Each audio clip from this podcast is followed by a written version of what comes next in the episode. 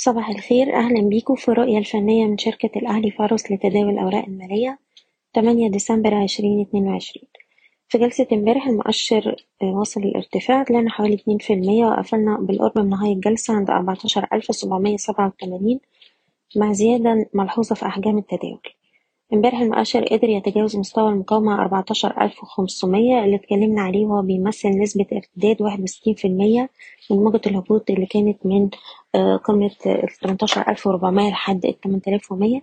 لكن الاختراق ده مازال يحتاج للتأكيد حتى الآن.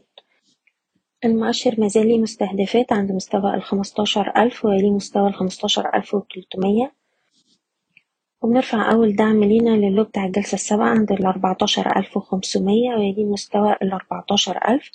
في نفس الوقت بننصح برفع مستويات حماية الأرباح لأقل مستوى اتسجل في الجلسة السابقة حسب كل سهم على حدة للتحكم في المخاطر في الوقت الحالي. وبالنسبة للأسهم سهم مينا للاستثمار السياحي عندنا دعم عند سبعة وتسعين قرش.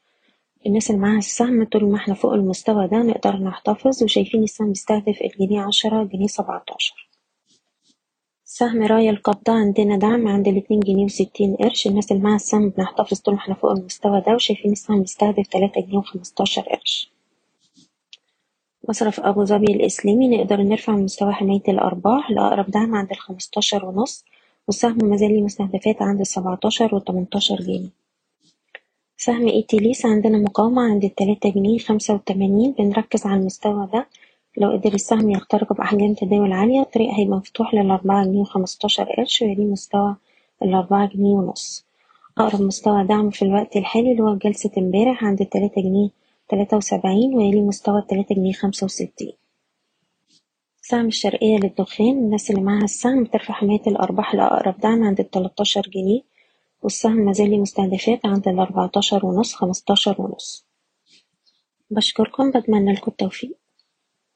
إيضاح الشركة غير مسؤولة عن أي قرارات استثمارية يتم اتخاذها بناء على هذا التسجيل. شكرا.